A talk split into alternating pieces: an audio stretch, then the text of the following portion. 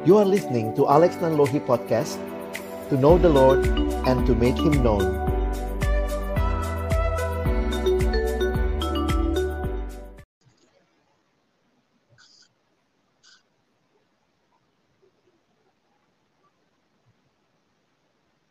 Halo, selamat malam teman-teman. Halo, selamat malam Ray. Halo, selamat malam Bang Alex, Kak Devi. Hai. Kita bersyukur malam hari ini boleh ketemu lagi di YouTube Alex Nanlohi dan kesempatan ini kita rindu juga untuk boleh share dengan teman-teman, boleh berbagi, saling menginspirasi dan kerinduan kita juga melalui apa yang kita bahas malam hari ini boleh menjadi masukan, mungkin jadi sesuatu yang juga menolong teman-teman untuk secara khusus bulan ini Ray ya, lagi masuk bulan kasih sayang katanya ya. Ada yang bilang kita kasih sayang kok malah bahas mantan. ya kan man, apa ya kasih sayang kan juga sama mantan ya kita juga mengasihi siapa pun lah ya. Jadi kita bersyukurlah tetap nggak eksklusif ya. Ya kadang-kadang ada ada yang nanya gitu masih mendingnya punya mantan ada yang bisa ada yang bisa digumulkan atau di apa ya dipikirkan bagaimana mengasihi bilang bukan itu poin siarannya ya bukan bukan masalah. Masih mending punya mantan daripada nggak punya siapa siapa cuma ya ada, ada nanti kita bahas ada, lah ya bang ya. Ada ada lagi ini soalnya ya yang yang mau cerita gitu ya waktu ini wah mantan gue banyak waduh gitu ya. Jadi rasanya bangga gitu Iya, dan malam hari ini kami juga rindu teman-teman boleh berbagi karena ya kita juga boleh dengar ya cerita dari teman-teman. Memang khusus juga waktu saya kepikir tema malam hari ini mau ngundang siapa, kalau ngundang juga takut nanti yang punya mantan jadi merasa dibicarakan, diomongin, jadi ya sudahlah kita membahasnya bersama gitu ya. Oke, tapi sebelum kita mulai dan juga nanti mengenalkan seorang sahabat yang kita rindu juga bisa berbagi dengan kita. Uh, kita berdoa terlebih dahulu ya. Mari kita berdoa. Tuhan terima kasih banyak kesempatan malam hari ini kami boleh bersama-sama berbagi, sharing dengan satu topik yang juga mungkin banyak menjadi pertanyaan dan digumulkan oleh orang-orang di dalam relasi mereka. Di bulan kasih sayang ini kami juga rindu boleh menempatkan relasi-relasi kami dengan baik, dengan tepat di hadapan Tuhan dan di hadapan sesama. Berkati siaran malam hari ini bagi setiap kami yang mengikuti secara live maupun nanti siaran tunda, kami rindu boleh benar-benar juga menikmati kesempatan ini untuk saling berbagi, saling menginspirasi. Terima kasih Tuhan, kami menyerahkan siaran kami sepenuhnya ke dalam tangan pengasihanmu dalam nama Yesus kami berdoa. Amin. Oke, Ray, silakan untuk memperkenalkan uh, mantan, eh bukan mantan ya.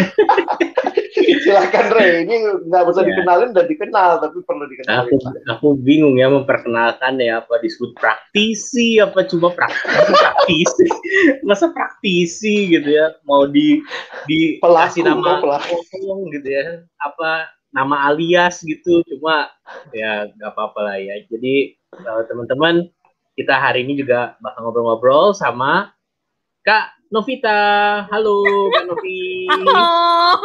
Thank you, ya, praktisi ya. praktisi, Nov. praktisi tuh kayak maknanya agak gimana ya, Me. Makasih ya, Rey. Sama-sama, aku berasa seneng nih, aku bisa berasa ganti lapak. lapak sebelah ya, Nov. Pindah doang ya. pindah toko sebelah. nah, ya. uh, teman-teman, aku nggak tahu sih ya waktu Bang Alex apa come up dengan uh, tema ini.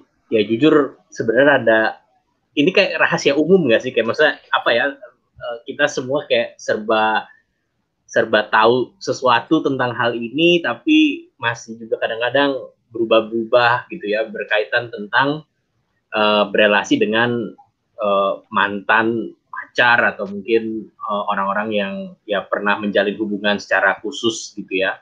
Uh, saya nggak tahu, uh, tapi banyak cerita kita melihat dari yang begitu deket sampai akhirnya jadi kayak begitu jauh gitu ya sampai sampai kayak orang nggak kenal gitu atau uh, dari yang begitu kita selalu tahu berduaan terus gitu ya. Maksudnya hmm. ada kan yang kayak gitu gitu yang, oh udah kayaknya cocok banget gitu. Eh, tapi ternyata uh, dalam pergumulan akhirnya memutuskan hubungan dan akhirnya uh, kayaknya kaget gitu ya kita oh dan ya itu menjadi relasi yang kita juga sebagai orang yang melihat juga kayak jadi kikuk-kikuk juga gitu ya yang yang maksudnya uh, apa mengamati atau apalagi kalau misalnya di kalangan PMK gitu atau atau iya. persekutuan yeah. gitu yang orang-orang pelayanan gitu kan juga uh, gimana ya kayak kayak mau diomongin salah nggak diomongin salah gitu jadi aku pikir ya ini topik yang uh, kita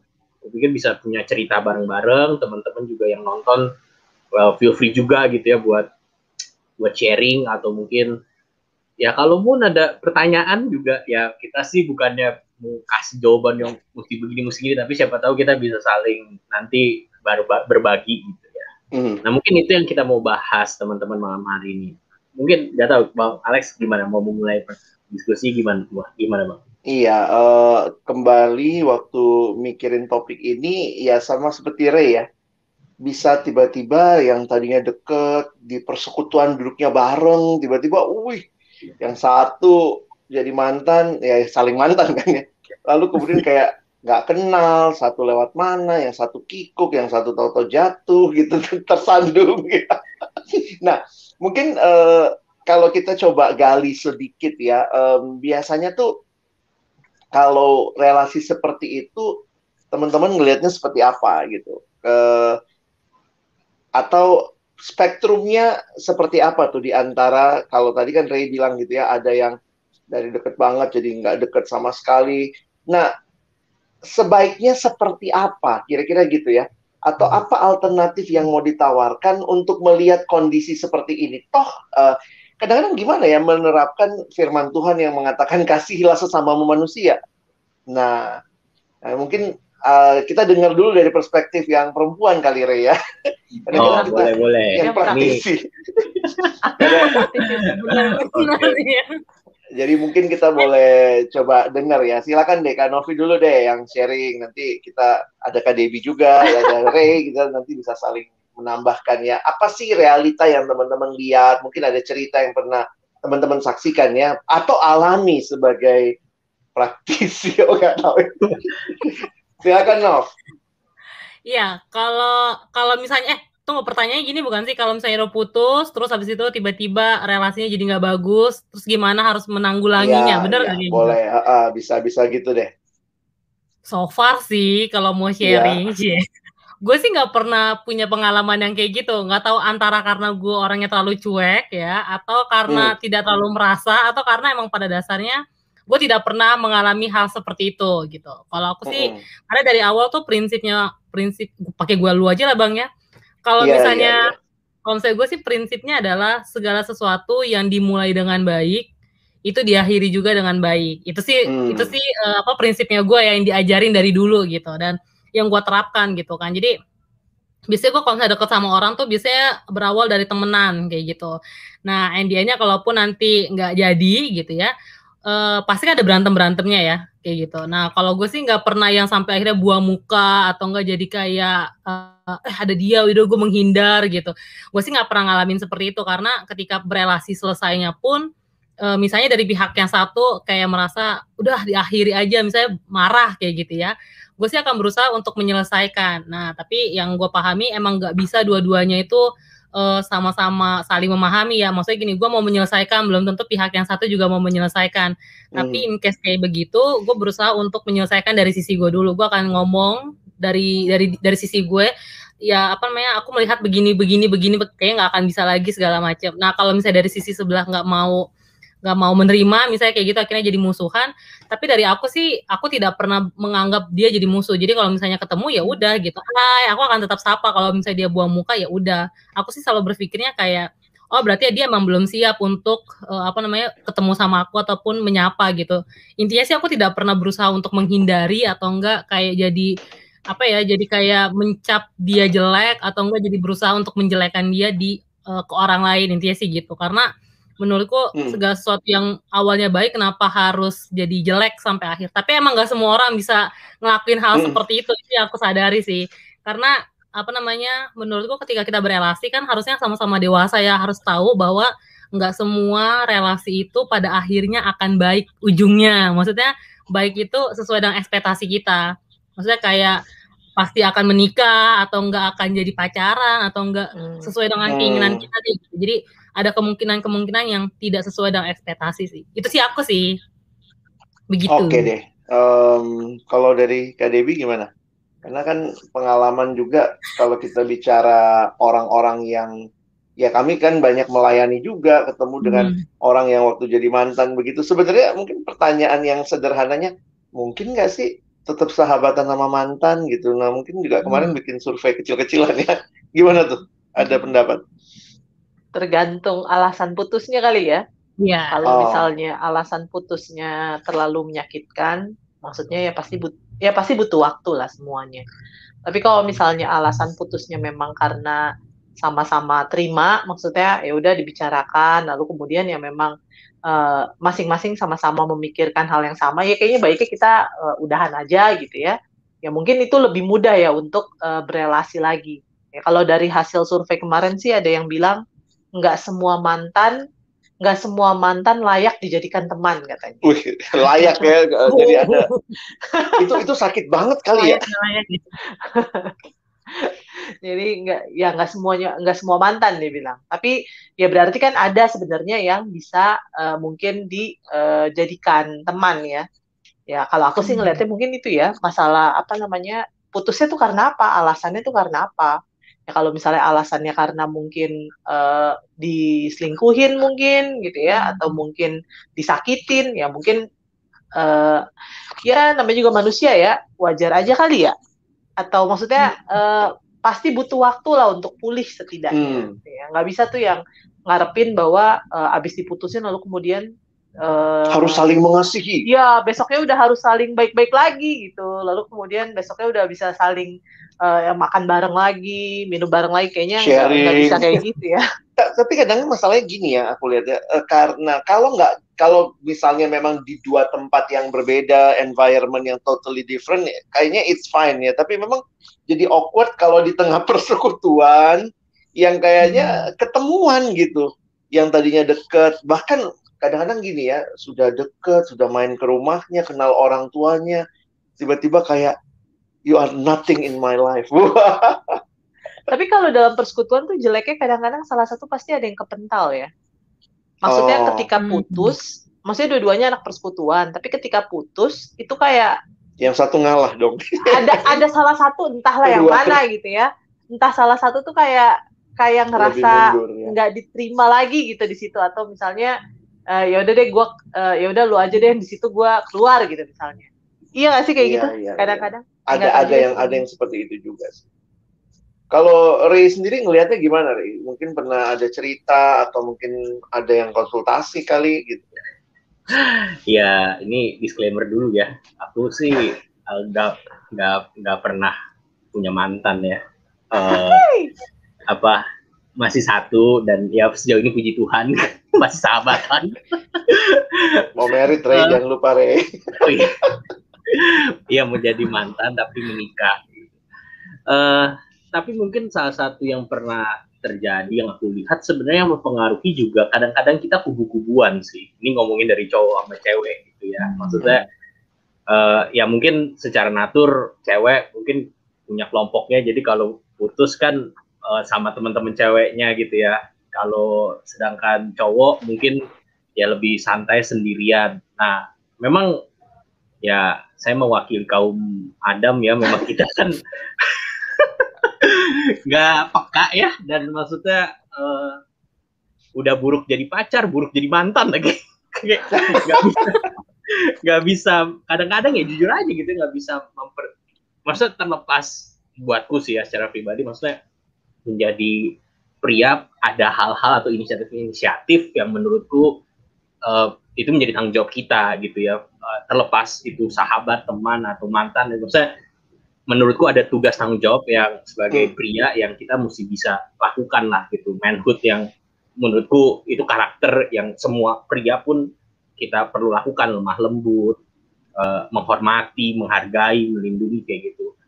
Nah cuma ya jujur lah kadang-kadang uh, pengalaman atau melihat adik-adik beberapa yang konsultasi memang uh, it, it, ya itu dinamika yang baru gitu ya. Uh, putus dari pacar ternyata ada etika jadi mantan yang yang menurutku apa ya memang nggak ada nggak nggak ada yang pernah ngajarin sih ya, ya, ya kali ya di pacaran etika jadi mantan kayak berharap putus dong.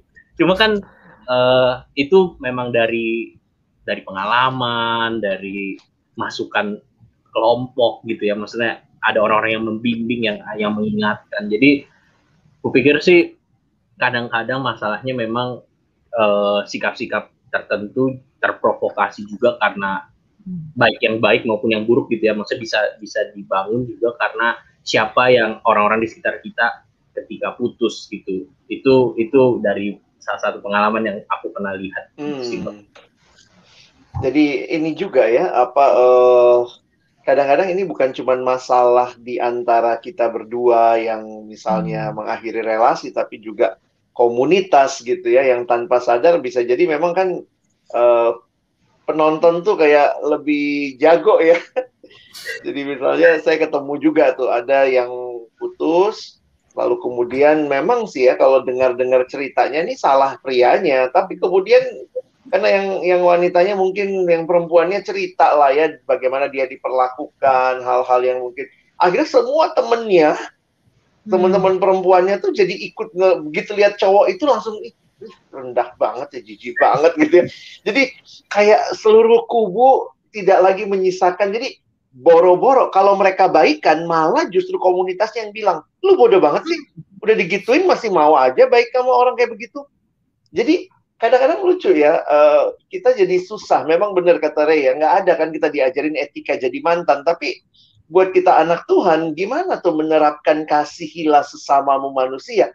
Karena itu kan nggak berubah. Mau kepada mantan mau kepada musuh bahkan gitu ya. Nah kalau Novi misalnya ya kalau dalam situasi seperti itu Nov gimana tuh lo mengartikan kasih sesama manusia? Padahal anggaplah ya lu yang disakitin banget gitu. Oh kira Novi jadi penonton. Oh bukan. gue jadi kayak mengenali masa-masa lalu dulu ya nih bang ya. Harusnya flashback ke masa lalu banget jadinya. Ya, iya iya. Kayak sedikit banyak bang Alex udah uh, bang Kak Debi juga pasti udah sering denger lah ya kalau kita lagi bikin podcast ya bang ya tentang kehidupan kehidupan gue kayaknya bang Alex tuh langsung cerita banget pakai loudspeaker gitu kalau sama Kak Debi kan. Nah jadi kalau misalnya ngomongin kejadian-kejadian masa lalu sih pasti bakalan sakit sih ya. Kalau misalnya apa namanya disakiti. Misalnya kita, kita dari sisi yang tersakiti gitu ya.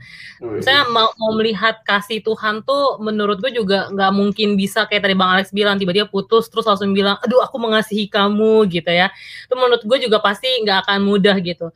Tapi yang biasanya bukan yang biasanya sih yang pernah gue lakukan adalah akhirnya tidak mengomong tidak membicarakan dia ke orang-orang yang menurut gue kurang tepat gitu sih maksudnya jadi jangan hmm. kalau misalnya kita ngebahasnya komunitas uh, persekutuan ya walaupun gue nggak pernah berelasi dengan orang di persekutuan gitu ya gue tidak akan ngebahas misalnya kejelekannya dia ke teman-teman teman-teman yang kenal dia juga karena jeleknya dia ya udah gitu. Cukup kita kita berdua aja yang tahu karena maksudnya kejelekannya dia yang dia tunjukin ke kita itu kan karena dia udah percaya ya sama kita. Ngedapetin trustnya itu kan menurut gua nggak mudah gitu.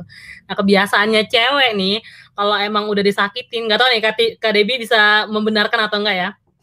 Ketika udah disakitin itu kan suka lebay ya ceritanya ya. Dramanya tuh drama Korea aja kalah dah pokoknya kalau cewek udah cerita ya dramanya tuh. Cucuran air matanya juga udah lebay gitu ya dia itu menyakiti aku yang sampai segimana gitu. Kan kayak cewek tuh kalau udah cerita sama temennya ya temennya yang nggak benci jadi bisa benci guys. Dia tuh bisa mentransfer kebencian itu gitu ya dengan sebegitu baiknya gitu kalau cowok kan misalnya kalau putus iya tuh dia nggak tepat aja udah gitu ya kan?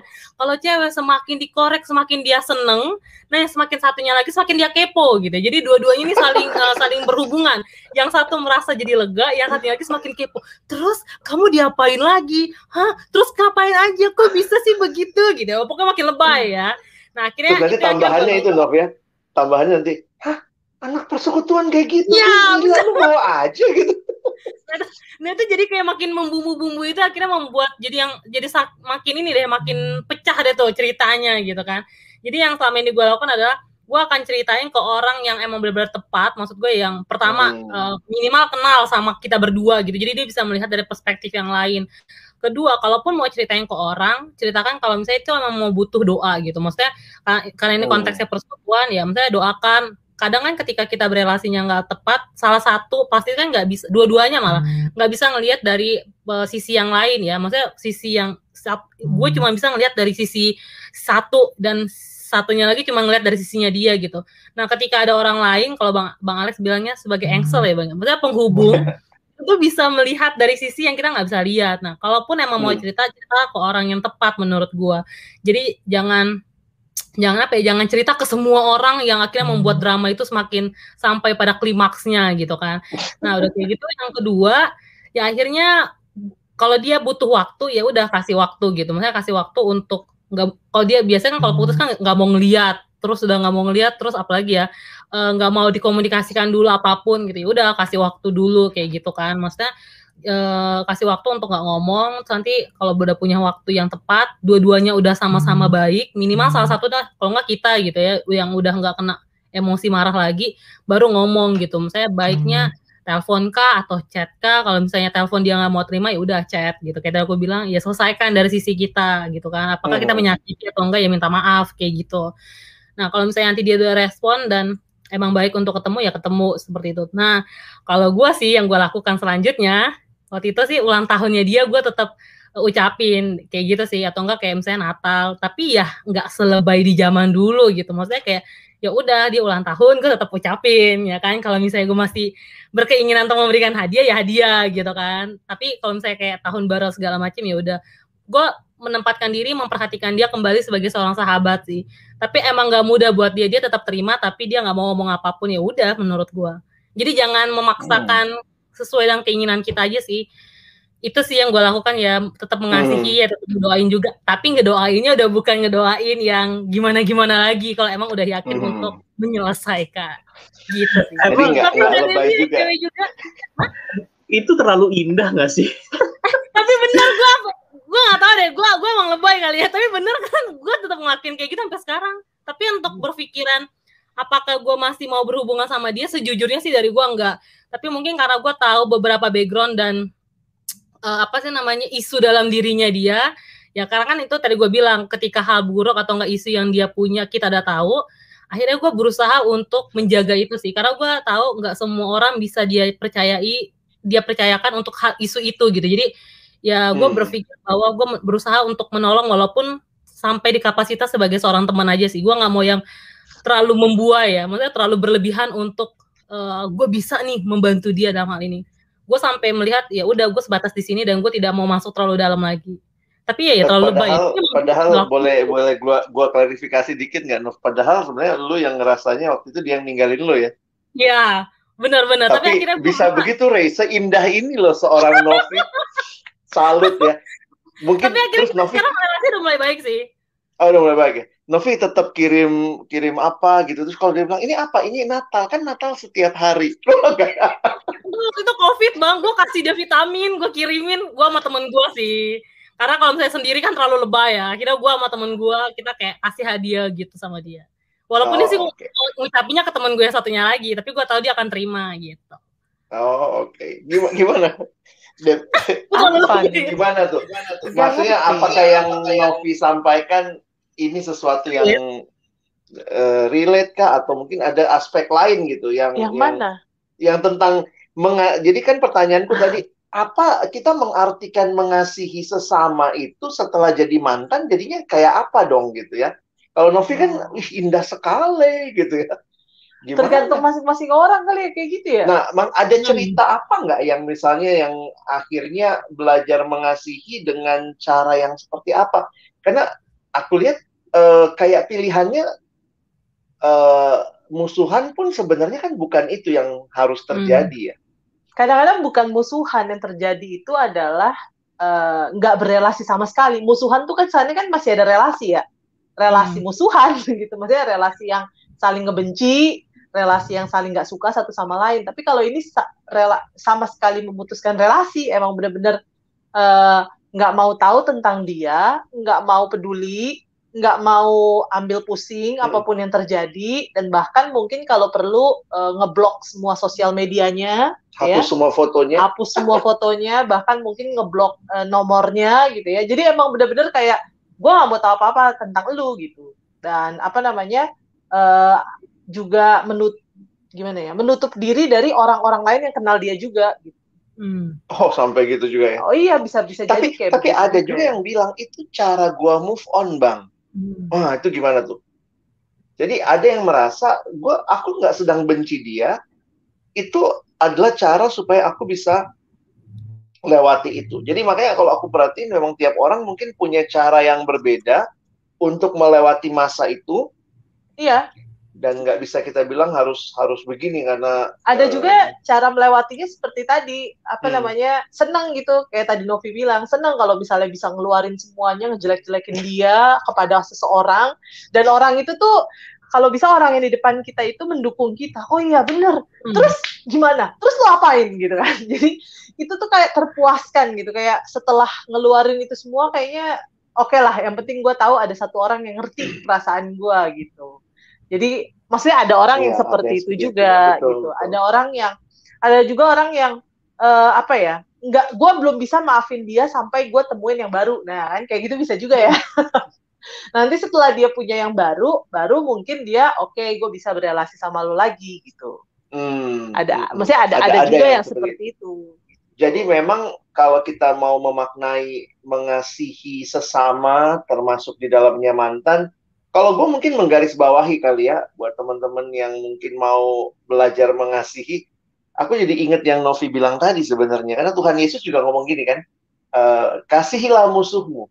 Waktu itu bingung gitu, hah kasihi musuh, udah kesel banget. Tapi practical things yang Tuhan bilang sesudahnya dan berdoalah untuk mereka. Jadi kadang-kadang juga bukan aku nggak memaksa kalau mengasihi harus ngobrol pura-pura kayak biasa datang ke rumahnya walaupun bukan siapa-siapa lagi jadi berdoa berdoanya itu apa? Mungkin kalau keingat mukanya kesel doain aja muka eh mukanya mungkin doain aja untuk orangnya orangnya untuk Tuhan tolong saya mengampuni. Jadi bukan juga kemudian apa ya simsalabim kayak tadi ya pokoknya pakai Novi you're just too good to be true ya. Tapi ya Oh ya ampun, aku jadi merasa ya. terharu nih. Sayangnya nggak emang nonton. emang nggak mudah. Nggak udah kasih ya. ya nanti loh loh. Tapi mungkin Eh, jangan tapi- lupa ya, Nov, berapa lama baru kemudian bisa melakukan hal itu? Almost satu tahun sih. iya Nah, jadi pasti memang ada waktu ya ada maksudnya butuh waktu. proses waktu Meratap.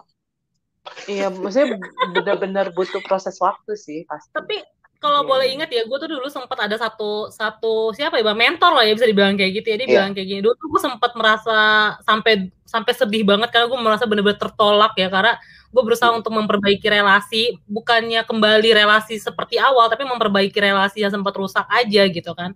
Gue merasa ditolak berkali-kali gitu. Pokoknya gue chat dicuekin, gue voice note dicuekin, pokoknya bener-bener jelek banget deh relasinya.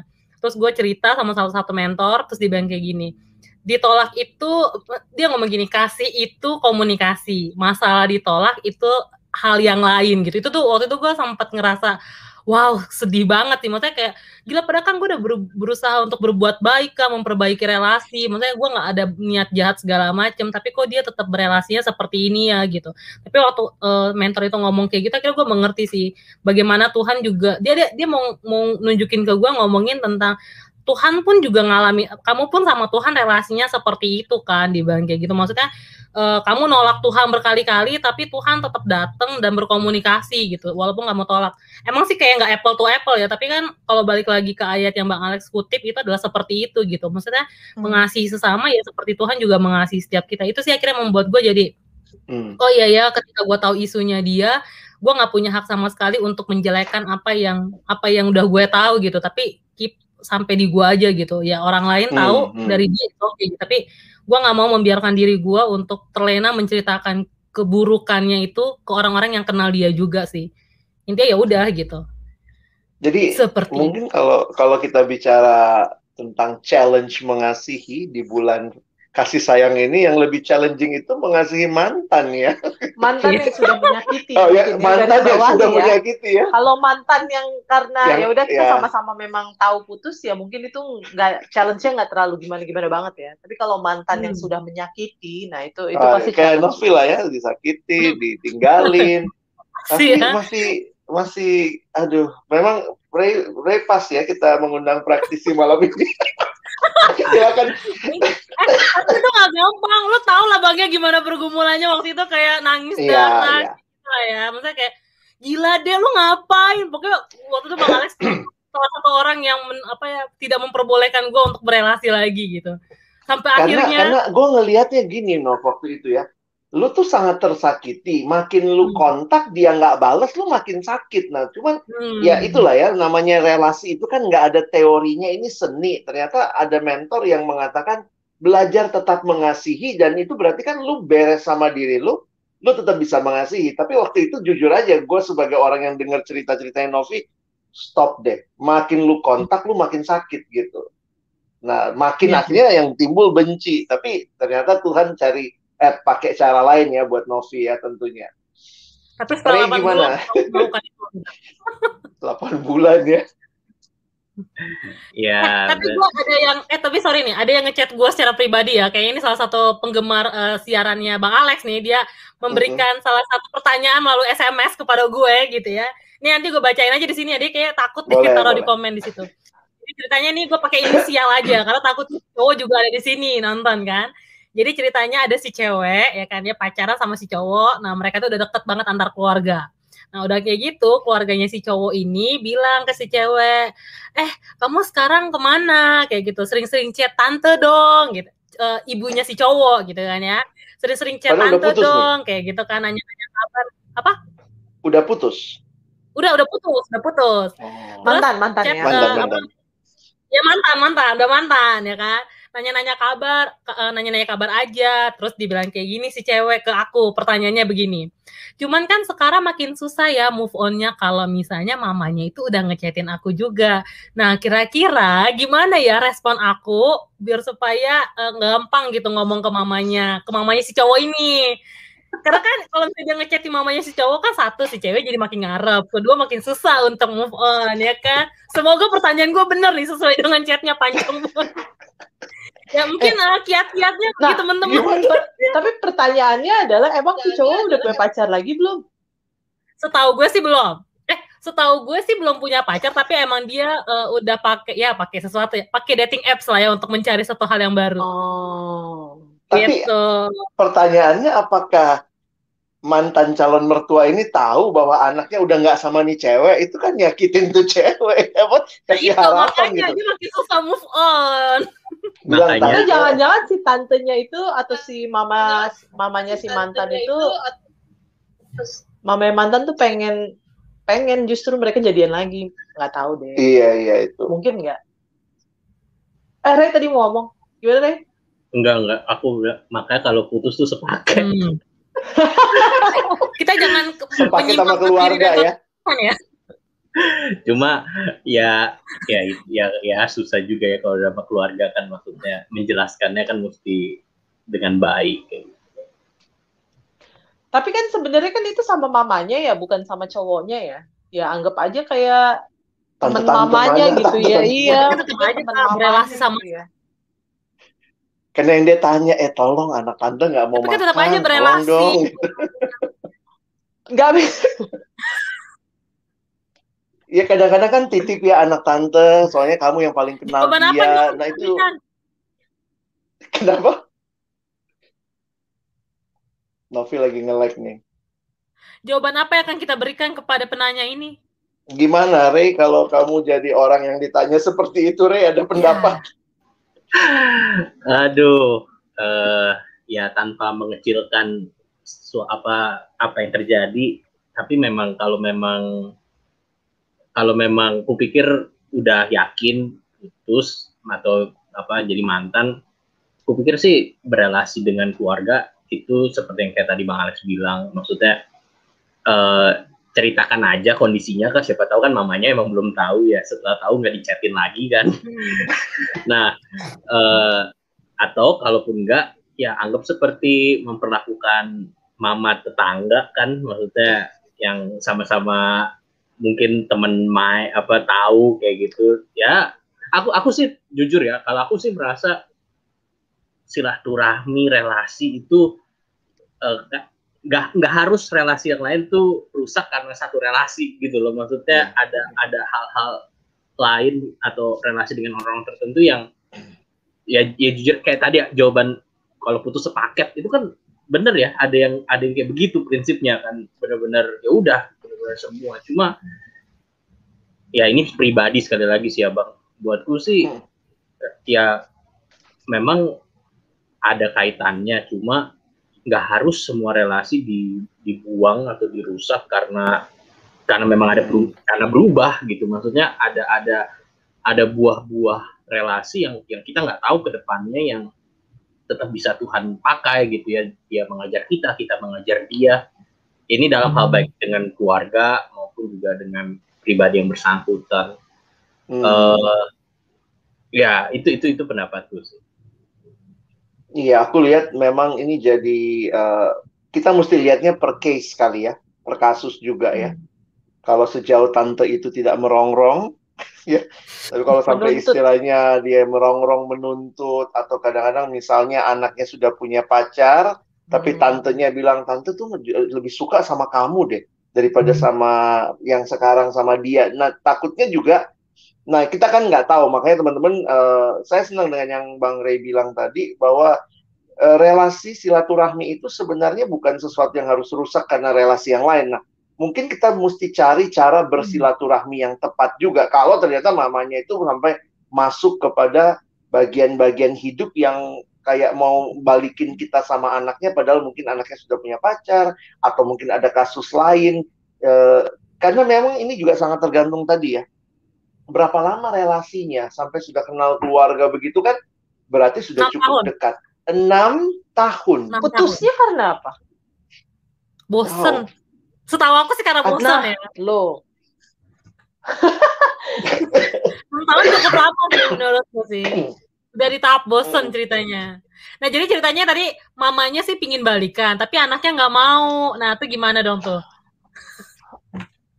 tetap ya nasihat orang tua bukan pengambil keputusan hanya tetap jadi hmm. nasihat saya pikir hargai anaknya dan maksudnya mungkin gini ya kalau mungkin ini praktis kalau dengar kasusnya seperti ini balas chat seperlunya hmm. itu istilahnya ya kalaupun kita membalasnya ya istilahnya kita mengalihkan subjek pembicaraan mungkin tetap mereply makasih tante kita doain ya makasih tante, tapi saya kan sudah tidak bersama dengan dia. Jadi kita sendiri juga harus punya standpoint di mana saat ini kita dalam relasi. Jangan kemudian juga ternyata kita di chat begitu kita yang luluh dalam arti yang kayak ih kayaknya mamanya masih kasih harapan dianya aja nih yang nggak peduli sama gua iya, gitu. Iya, nanti malah nanya-nanya anak ke, ke, ke mamanya. Iya, ke mamanya. Tante, tante dia lagi pakai baju apa? Apa kabar tante sih? Iya, iya, iya. Hmm. Oke. Bang Alex ini banyak yang meresponi. Banyak. Maksudnya. Silakan Ray, tolong dibaca Ray. Ya, ini halo Kak uh, Viko. Shalom kakak abang. Viko dari Jambi. Uh, mau sharing pernah deket sama mantan gebetan. Tiba-tiba banyak tuntutan orang-orang satu gereja dan seorang pastor karena masalah beda gereja. Jadi dia harus mengikhlaskan perasaannya gitu ya uh, pertanyaannya apakah masih berhubungan uh, dengan dia meskipun komentar orang kurang baik gitu ya? Maksudnya uh, walaupun semesta menolak. Kalau itu kan semesta mendukung Satu ya. gereja loh. Dan berat, uh, bagaimana, berat. bagaimana mewujudkan uh, ya sikap toleransi dengan sesama dalam kasus ya perbedaan-perbedaan ini kali ya. Uh, ini baru mantan gebetan berarti ya kalau dari ceritanya. Mantan orang yang disuka. Nggak tahu gimana? Ada pengalaman atau ada cerita? Silakan ibu-ibu mungkin. Mencerna dulu mencerna dulu. Nov silakan Nov kalau udah Nov Aduh, aku jangan ini kade biaya kade biaya dulu. ini kayak kasusnya berat nanti aku salah ngomong langsung di blacklist nama aku tuh. Masa ada satu gereja Kita- loh ngebahasnya. loh. Kita yang siaran malam hari ini beresiko dibenci orang gitu ya, kalau salah. Hujat. Aku ikutin Kanovi waktu itu dia bilangnya mesti mengasihi. Kalau dulu ya. Kak Debbie gimana nih? Ada masukan nggak ya? apa tadi poinnya Karena ada Oh, maksudnya kalau mana nih ditentang gitu ditentang ditentang tapi masa dia demen tapi sempat nggak jadi demen karena banyak komentar aduh jangan deh jangan nah maksudnya gimana ya mesti bersikapnya gitu apakah mes, apakah tetap me- membangun Lanjut. relasi Hmm. di tengah tantangan-tantangan itu Hmm. Mungkin ini dulu kali ya. Maksudnya kita nggak tahu juga ya alasan penolakannya apa. Jadi rasanya sih alasan penolakan dari orang-orang sekitar, apalagi yang dekat kenal kita atau kenal orang itu, eh, maksudnya nggak bisa diabaikan begitu aja. Jadi eh, coba lihat dulu apa alasan penolakannya. Eh, kalau di sini apakah- gereja kak gereja jadi kayaknya man- gebetannya tuh beda gereja hmm, beda denominasi beda ya. denominasi ya. Oh, baru aku mau bilang beda gereja doang, bukan beda aliran kan? Masih satu Tuhan padahal, ya ampun. Tapi mungkin ada Tapi orang pernah Bener deh. pernah ada loh pernah ada yang kayak begitu karena misalnya beda beda denominasi memang akhirnya mereka eh, Hmm. apa putus gitu. Maksudnya adalah teman yang memang beda denominasi lalu kemudian eh, putus. Waktu itu sih kalau menurutku sih ya tergantung ya tergantung dari eh, orangnya. Lagi juga kalau ininya ya kalau kalau kasarnya ya ya deketin aja dulu belum tentu juga mau gitu. Maaf ya. Itu kasarnya maksudnya Eh, dan kalau emang misalnya masalahnya beda beda gereja ya itu sesuatu hal yang mungkin nanti dipikirkan bersama gitu. Kalau emang misalnya nanti eh, jadian gitu kalau emang misalnya nanti melanjutkan eh, relasi. Ya menurutku kalau emang benar-benar masalahnya gara, hanya gara-gara beda gereja beda denominasi lah ya dalam hal ini ya benar-benar mungkin yang dipikirin adalah apakah memungkinkan kalau emang misalnya dia pindah denominasi atau itu cewek pindah denominasi. Pasti kan pilihannya kayak begitu kan, harus ada yang pindah. Tapi eh, menurutku juga ya jangan sampai itu mengecilkan apa ya, mengecilkan hati ya untuk eh, berjuang gitu. Kalau emang misalnya memang eh, suka ya doakan, doakan ya coba eh, cow- cowok ya harusnya ya. Ya kejar gitu, misalnya coba kejar. Tapi kalau lihat dari kalimatnya, aku nangkepnya bahwa dia sudah memutuskan tidak lanjut karena ditentang. Nah, jadi dia udah mutusin nggak lanjut nih. Tapi dia ingin tetap berelasi, Oh, jadi emang nggak mau lagi. nggak lanjut. Tapi Uh-uh. emang pengen berelasi. Nah, makanya apakah? Bukannya itu justru lebih mudah ya? Kalau emang misalnya nggak melibatkan perasaan. Nah, cuma ya itu balik lagi sebenarnya pertanyaan dasar saya adalah apa tujuannya berelasi? Cuman ingin kenal baik. Atau Karena mungkin dulunya deket kali. nah nggak tahu oh, juga jadi, nih ya. Uh-uh. jadi berspekulasi. Pertanyaan ya. Ya, tapi selanjutnya, si ceweknya udah suka juga nggak sama nih cowok. Nah, makanya dia jadi takut Nah, untuk berelasi. Itu juga jadi Nah, pertanyaan itu dia. sebenarnya. Benar-benar. Ceweknya iya. juga suka, tapi gara-gara dia juga udah, udah memutuskan udah, udah kita nggak lanjut. Gimana nih Yes. relasi tetap lanjut? Atau jangan-jangan sudah sampai dalam taraf saling bergumul, tapi kemudian akhirnya eh, memutuskan tidak. Eh, si cowok memutuskan tidak karena masalah gereja. Eh, kita berspekulasi, maaf lah Ya, ya. ini ini cuma dia bilangnya mantan gebetan ya. Jadi coba jangan berspekulasi lebih jauh. Intinya kalau saya pastikan dulu perasaan kita dibereskan bahwa memang ya udah ini nggak akan lanjut ke relasi pacaran karena memang ada tantangan. Walaupun juga aku setuju ya. Sebenarnya mesti dicari juga kenapa sih ditentang gitu ya. Apa masalah sepele aja begitu padahal itu sesuatu yang mungkin bisa dibicarakan ya. Masih sama-sama Kristen kata Kak Mhm. Novi tadi. Nah, cuma jangan menjalani relasi dekat. Nah, ini tips yang selalu saya ingetin ya. Jangan membangun relasi kedekatan pria dan wanita tanpa komitmen. Hanya cuma karena seneng dapat dapat apa ya kebutuhan perhatian, perhatian ada yang nanyain, tapi pacar bukan teman, iya teman, tapi teman kok kayak begitu gitu, terlalu dekat, terlalu berle ya, berlebihan gitu ya. Nah itu tuh perlu tuh kita tarik batas supaya ketika misalnya salah satu akhirnya jadian, yang satu nggak sakit hati. Karena nanti dia bilang, nih kok lu jadian sih? Kehilangan perhatian lo. Kita memang selama ini nggak ada komitmen kok. Jadi makanya saya katakan kedekatan relasi antara pria wanita tanpa komitmen itu cenderung ya menyakitkan.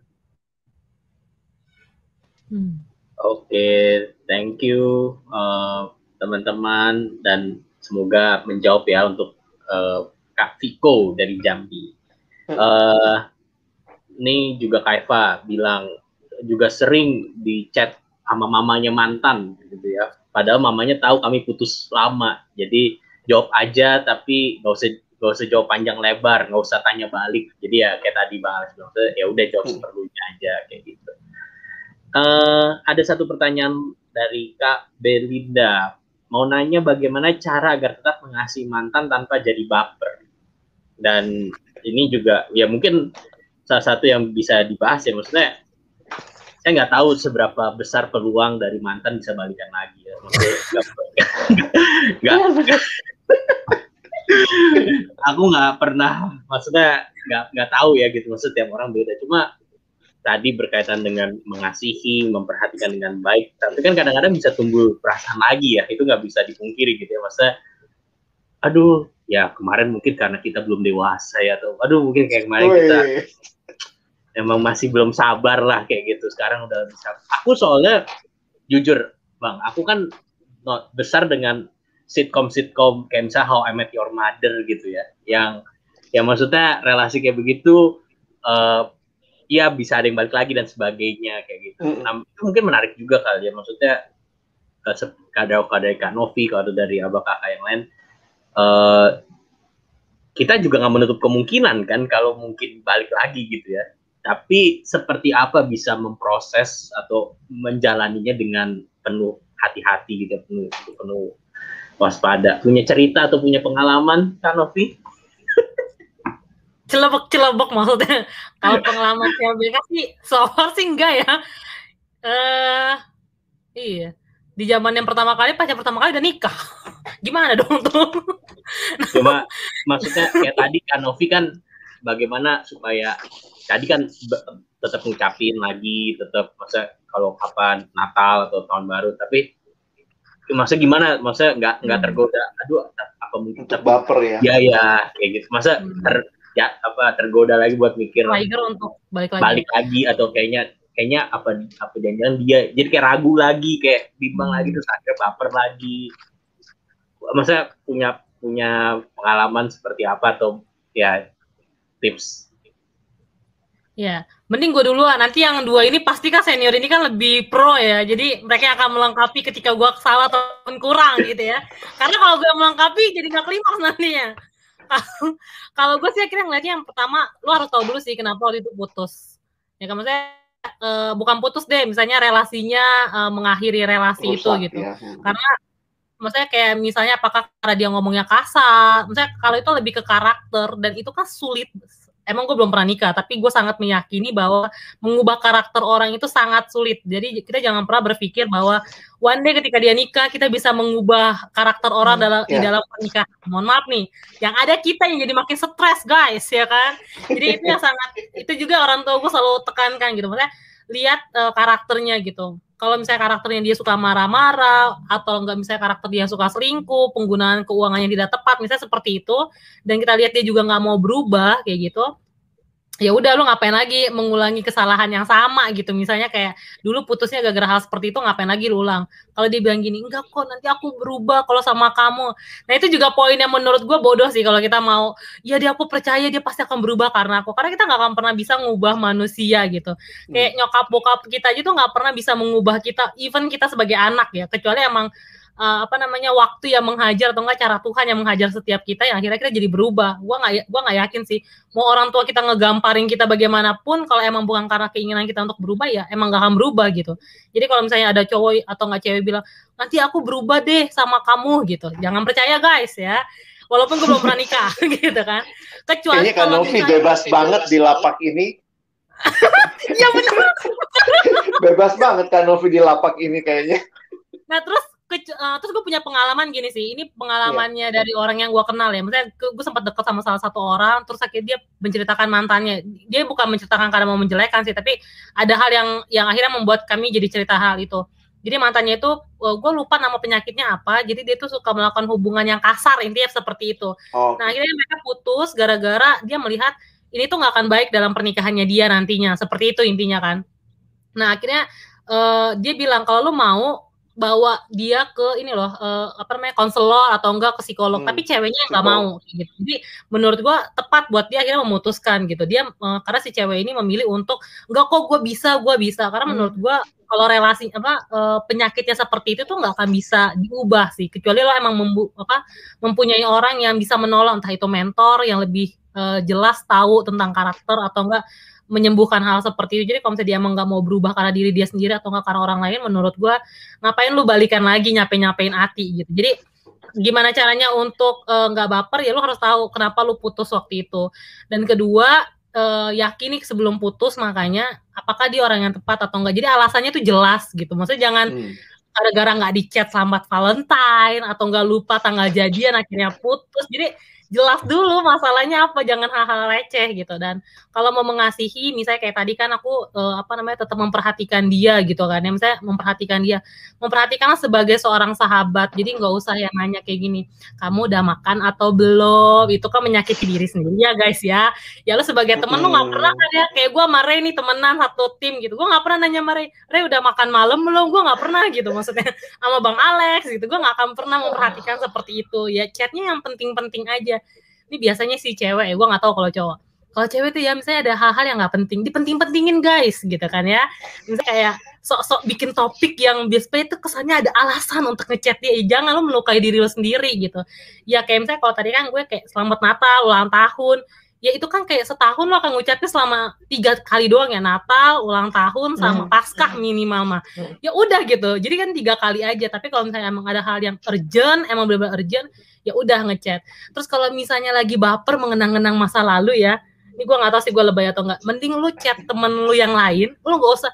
Iya ya, dulu tuh aku tuh sama dia tuh begini, begini mengenang, mengenang tuh nggak usah gitu maksud gue ya apa ya lu nyakitin diri sendiri lah kalau lu ngenang-ngenang kayak gitu ya udah move on gitu maksudnya belajar untuk membuka diri yang baru ini sih pengalaman gue pribadi ya maksudnya hmm. belajarlah melihat bahwa di zaman dulu itu hanya sebagai pembelajaran untuk semakin lebih baik lagi menghadapi relasi yang yang akan baik lagi nanti ke depannya gitu sih. gue terlalu yakin kalau Tuhan tuh ngasih kita pembelajaran untukku semakin lebih baik lagi untuk menemui orang-orang yang lebih baik lagi. Jadi buka diri aja sih.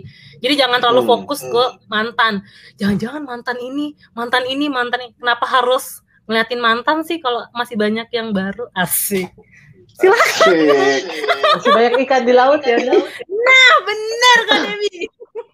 Satu tahun berapa kali Noh ngucapin tiga kali ya? Tiga Tapi bukannya Natal itu setiap hari ya? Wih. Oh, enak Valentine kali setiap hari. Ya lu ngapain ngucapin Valentine ke dia, ya kan? Benar. Iya ya, itu itu juga nggak nggak usah sok ini ya membangkitkan kenangan ya. Jadi lu Gimana nih kalau kalau Kak Devi untuk pertanyaan ini ada tips nggak? Kayaknya semua udah diomongin Novi. Iya, ya? setuju kok tadi dengan omongan Novi. Idem aja kita mah.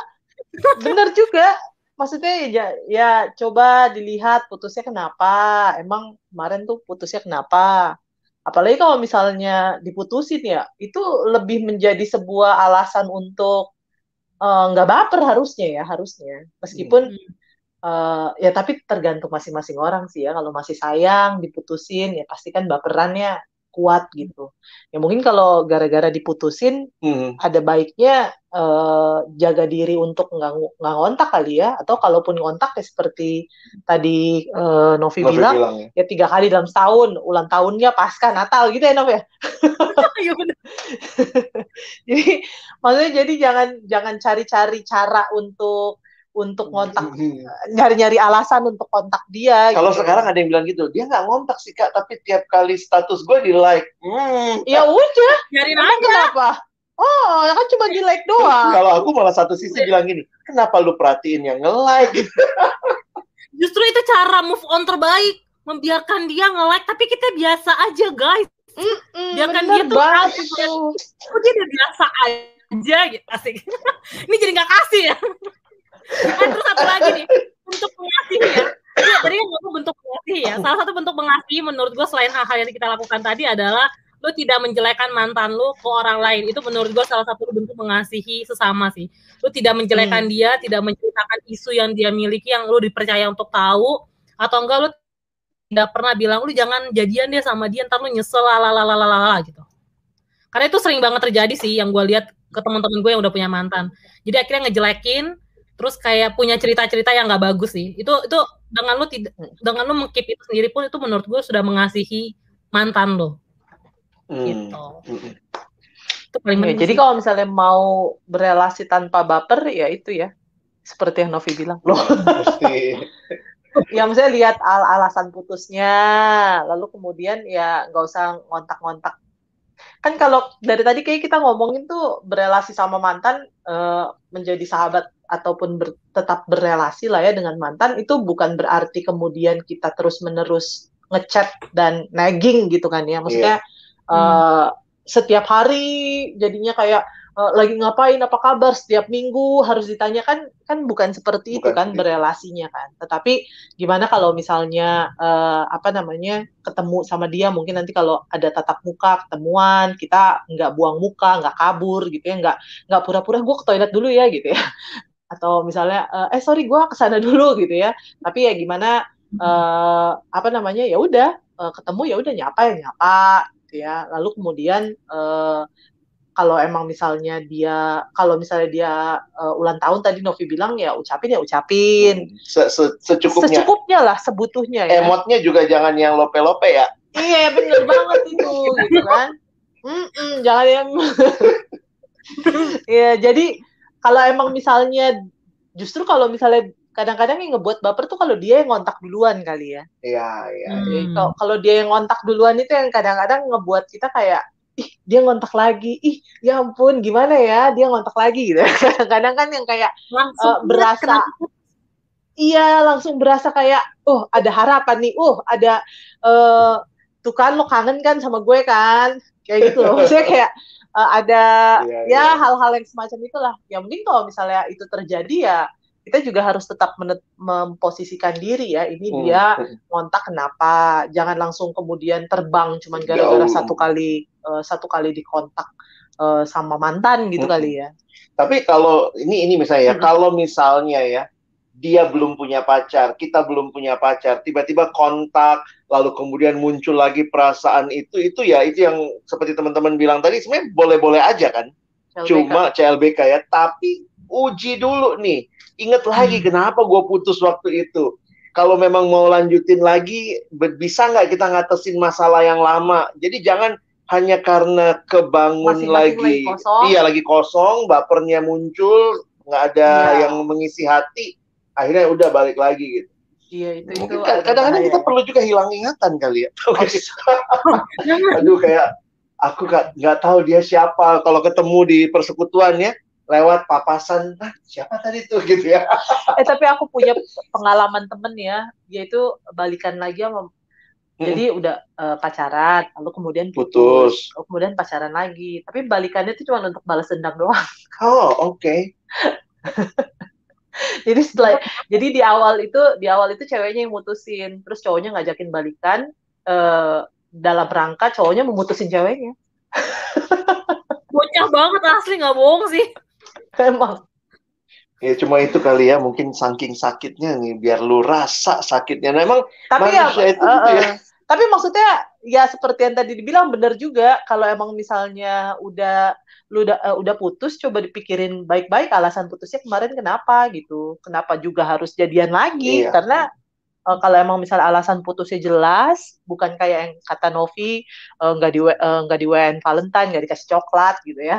Jadi kalau emang misalnya alasan putusnya jelas, emang karakter dan segala macam ya nggak usah dilanjutin lagi sih memang. Oke. Okay. Praktisi emang. Praktisi ya. Aktivis ya.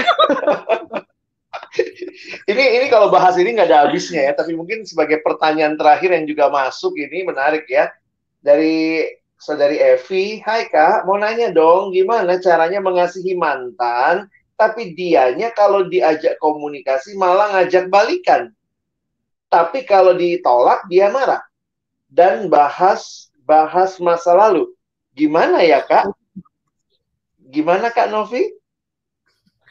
Nih kalau kayak gini sih gua aneh ya. Ini cowok ya sih harusnya ya karena yang kan cewek ya.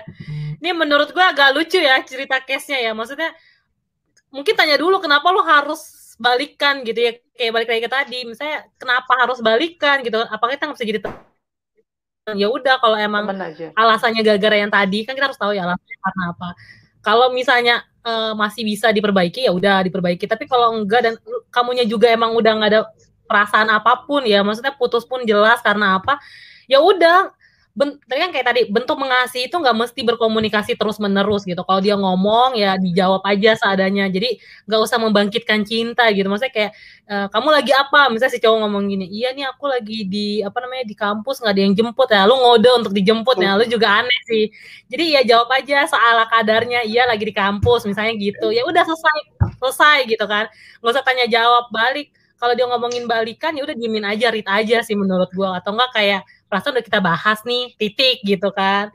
Jadi biasanya juga jangan ngambek atau nggak marah nih lagi kocak deh. Atau nggak kamu bilang aja e, coba deh pikirin nanti kalau misalnya kita berantem ngambek marah-marah begini lu yakin mau? Gue sih kagak tahan ngadepin orang yang marah-marah mulu. Praktisi praktisi. Jelas kan maksudnya dia dikit-dikit ngambek dikit-dikit marah. Lu sabar kalau kagak sabar udah ngapain dilanjutin kan nggak mesti jadi relasi apakah, yang baik. Bo boleh nanya nggak gini ya buat teman-teman ya, apakah memblokir nomornya demi tidak siap ketenangan menghadapi pikiran. ketenangan pikiran ya udah gue blokir aja itu pilihan nggak? Menurutku sih Sebenarnya sih aku aku di, di di di tipe orang yang tidak pernah mau memblok orang ya bang. Ini gue gue di posisi orang tidak pernah mau memblok orang. Tapi emang nggak semua orang bisa menyimpan kenangan. Bisa ada orang yang akhirnya ngapus semua chatnya, ada yang ngapus nomornya dulu. Menurut gue it's okay kalau misalnya begitu sih nggak masalah. Kalau emang itu membuat dia jadi damai sejahtera ya. Maksudnya mungkin karena saking sakitnya dan dia benci banget menurut gue emang butuh waktu. Tapi pada dasarnya gue bukan tipe orang yang seperti itu. Gue ya udah hapus delete chatnya aja gitu. Jadi jangan sampai ngeblok. Oh. ya namanya uh, kalau dia ngechat kalau lu belum siap ya udah di diarsipkan dulu aja gitu. Atau enggak ya udah lu delete dulu chatnya nggak usah lu baca. Itu sih cara-cara yang yang gue lakukan. Tapi kalau misalnya emang bener-bener menyakitkan ya sampai lu nggak siap emang harus banget di, di apa namanya dihapus dan diblok itu salah satu cara yang terbaik ya silahkan gitu. Apalagi kalau misalnya dia sudah sangat mengganggu ya misalnya tiap hari hmm. tiap detik eh angkat hmm. dong chat dong chatnya gitu gitu ya udah lu blok aja gitu. Tapi kalau dia Miss tidak mengganggu 67 kali gitu ya kayak nah, Korea kan tinggal 65 kali sehari udah kayak setahun udah berapa kali tuh gitu sih menurut gue intinya kalau Evi nggak sabar menghadapi cowok yang seperti ini uh, coba pikirkan lagi beribu-ribu kali bukan cuma sekali dua kali tapi beribu-ribu kali apakah kamu sabar menghadapi pria seperti ini yang dikit-dikit kalau ngomong ngomongin balikan mulu lu nggak bosen kamu bilang aja lu nggak bosen nanyain begini mulu kan dijawab berkali-kali bang gitu Oke oke. Silakan. Kak Dewi ada tambahan? Kalau misalnya ngeblok sih menurutku iya maksudnya tergantung masing-masing orang ya. Kalau emang misalnya dengan itu dia mungkin membutuhkan waktu untuk yeah. pulih, untuk uh, kembali uh, berelasi hmm. ya nggak uh, ada salahnya sih ya. Uh, tapi ya tentu itu tergantung masing-masing yeah. orang ya. Maksudnya ada juga orang-orang yang nggak seperti itu kan. Tapi menurutku sih kalau menurutku ya tetapi jangan kayak gini juga ya. Jangan satu kepengurusan putus lalu kemudian diblok gitu nah itu itu yang itu yang kacau gitu. Atau satu pekerjaan gitu kan lalu kemudian putus lalu kemudian diblok. Nah itu itu yang ngaco gitu kan. Padahal ada relasi profesional di dalamnya maksudnya Tapi kalau misalnya nggak ada relasi profesional, emang benar-benar cuma relasi relasi ya tadi itu ya, maksudnya Hmm. pacaran awalnya, terus kemudian putus ya menurutku nggak masalah. Tapi kalau ada relasi profesional lah itu Hmm. itu kacau juga ya kalau misalnya Ada terjadi. Nah kalau emang kalau misalnya dibilang sama tadi siapa namanya Evi. Evi, mungkin kalau aku mikirnya eh, ini juga kali ya. Memang kadang-kadang ada cewek yang eh, apa ya? Nggak tahu cowok juga kayak gitu atau enggak ya. Tapi ada cewek eh, ada yang suka gitu kalau misalnya eh, apa ya? eh, kayak dibutuhkan gitu loh. Jadi eh, pengen pengen eh, apa ya? Jadi mantannya tuh terus-menerus terus-menerus ngontak tuh justru dianya jadi kayak Hmm, tuh Seneng. kan lu masih butuh gua maksudnya ya. tuh kan eh, siapa suruh eh, tuh kan eh, apa namanya kayak mau membuktikan bahwa eh, memang salah kemarin kita putus itu gitu loh. Atau eh, lagi pengen ngebuktiin bahwa ya memang gua udah eh, apa namanya lu yang butuh gua bukan gue yang butuh lu gitu kesannya ya. Ada ada yang seperti itu. Nah, maksudku jangan sampai juga kita itu eh, seperti itu. Maksudnya eh, menurutku kalau ad- si ada WA atau kita meng, WA ataupun menchat ataupun mengkontak eh, pasangan kita, lalu kemudian kita tahu bahwa dia akan responnya seperti itu, ya udah jangan di chat. Hmm. Lebih baik chatnya itu ya tiga kali dalam setahun tadi seperti yang Hmm. bilang gitu. Maksudnya, jadi jangan jangan di chat gitu. Itu hanya akan ya antara menurutku jangan dengan dasar kita mau berelasi, mau menunjukkan kasih, lalu kemudian kita eh, ngechat, lalu padahal kita udah tahu eh, ini cowok eh, balasannya akan seperti Hmm. apa gitu loh, ngerti ya? Maksudnya Hmm. kadang-kadang jangan juga men- menjadikan oh saya pengen menunjukkan kasih saya ke dia sebagai cara kita untuk mancing. Hmm. Ma- Maaf ya, maksudnya bukan maksudnya mungkin mancing, tapi maksudnya ujung-ujungnya kan itu memancing gitu loh, memancing pingin ya. memancing si cowok untuk eh, membalas kembali. Jadi ya ya kalau memang misalnya nggak kalau kita udah tahu cowoknya akan kayak begitu, responnya seperti itu, ya udah eh, tahan diri aja nggak usah ngechat, nggak usah atas nama kasih dan segala macem kita melakukan hal itu. Menurutku Hmm. itu eh, nggak tepat aja. Dan jangan Hmm. sampai kita juga memakai atas dasar kasih. eh, saya mau mengasihi, saya mau menunjukkan kasih, tapi kemudian kita ngelakuin hal itu. Ujung-ujungnya menurutku bukan kasih tapi munafik ya kalau kayak gitu. Hmm. Oke. Kalau sih. Jadi eh, mungkin kalau dari sisi yang lain yang saya perhatikan jadinya gini ya. Kalau kita mantan nggak dibalas chatnya, nomornya diblokir, jangan langsung bilang dia nggak mengasihi ya. Mana tahu dia butuh waktu, mana tahu memang dia butuh Hmm. untuk bisa belajar move on dan seterusnya. Ya, Dan tapi mungkin itu jadi jadi kesempatan untuk kita kalau diblokir Hmm. gitu ya kita evaluasi kesalahan kita di mana iya nggak sih? Maksudnya kan Eh, iya, iya. aku nggak tahu sih ya, tapi dalam relasi pasti kan eh, ka- ketika itu rusak, relasi itu Hmm. rusak, iya dua-duanya itu salah. Maksudnya ada kesalahan Ada terletak dua-duanya. di dua-duanya gitu. Entahkah yang satu yang lebih besar, entahkah yang satu yang lebih kecil, tapi pasti Hmm. pasti ada gitu. Oke, jadi teman-teman terima kasih banyak. Malam hari ini banyak hal yang sudah terungkap dari praktisi kita dan juga diskusi kita, tanya jawab kita ya. Sebenarnya banyakan kita cewek-cewek yang ngomong ya sebenarnya ya Iya. tadi ya. Cowok-cowok ini kayak Loh, cowok, cowok, cowok, ya. cowok, cowok kalau udah putus ya udah diem aja. Karena gini, Rey, kalau putus itu hampir selalu kita yang salah. hampir pasti deh kita yang salah gitu ya. Karena ya mungkin inilah ya tadi cara meresponnya beda, tapi ya mungkin juga ada loh yang cowok yang ingin balik dan seterusnya. Tapi kiranya diskusi malam ini menolong teman-teman juga untuk bisa dengan baik menyikapi ya. Mungkin ada statement penutup dari masing-masing? Kak Novi? Oh ya, dari gue dulu ya, karena yang atas pasti lebih pro nanti ya. Nah, nanti Bang. Rey, Bang Rey yang tutup doa ya, jadi dia yang terakhir. Silakan Nov.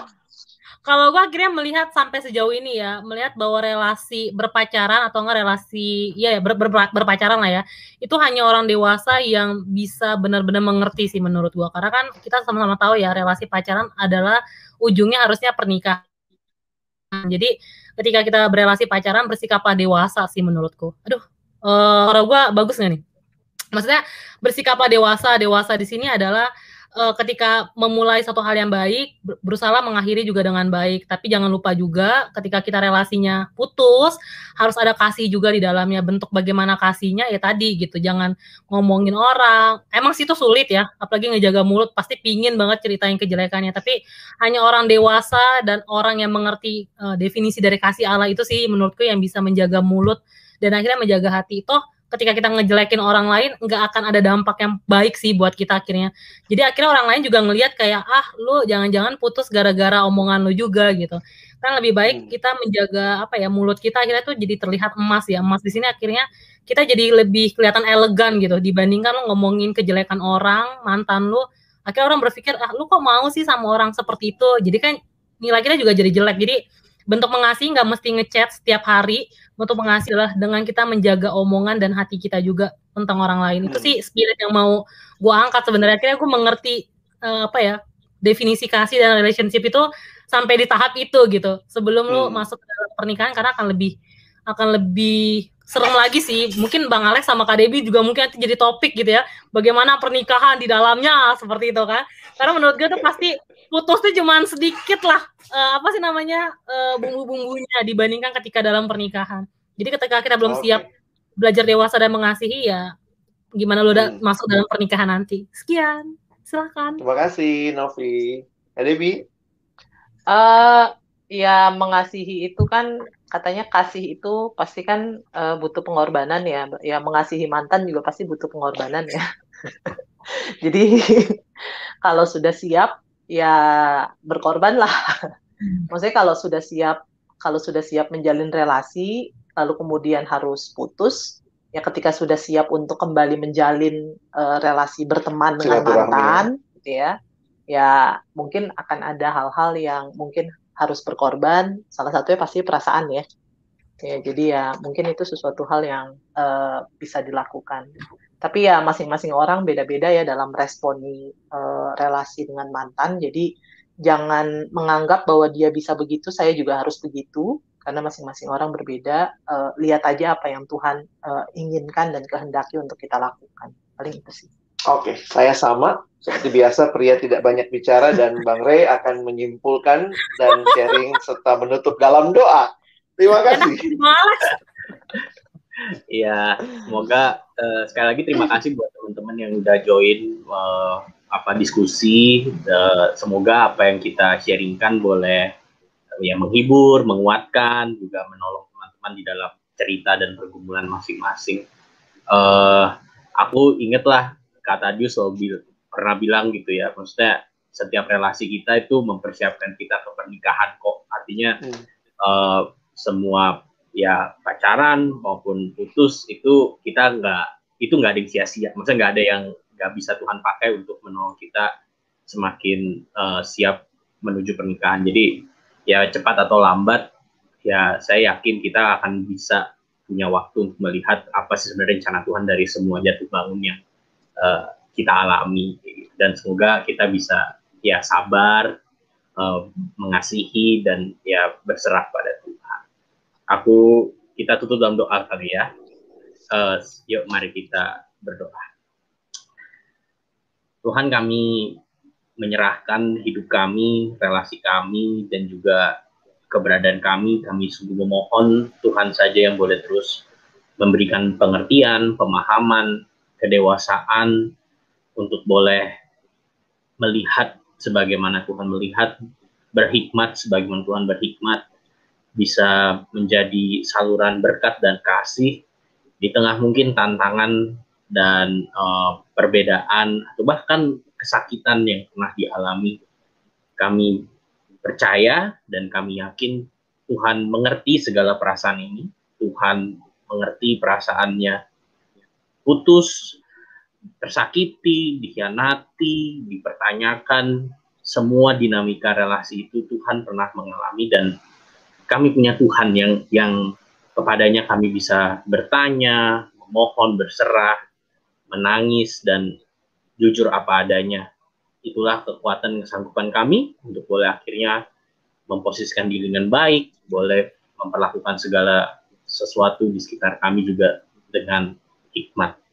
Kami bersyukur, berterima kasih, menyerahkan juga uh, setiap diri kami, Novi, Bang Alex, Kak Debi, dan juga aku sendiri dan juga teman-teman yang ikut siaran ini. Kiranya Tuhan yang boleh senantiasa pimpin.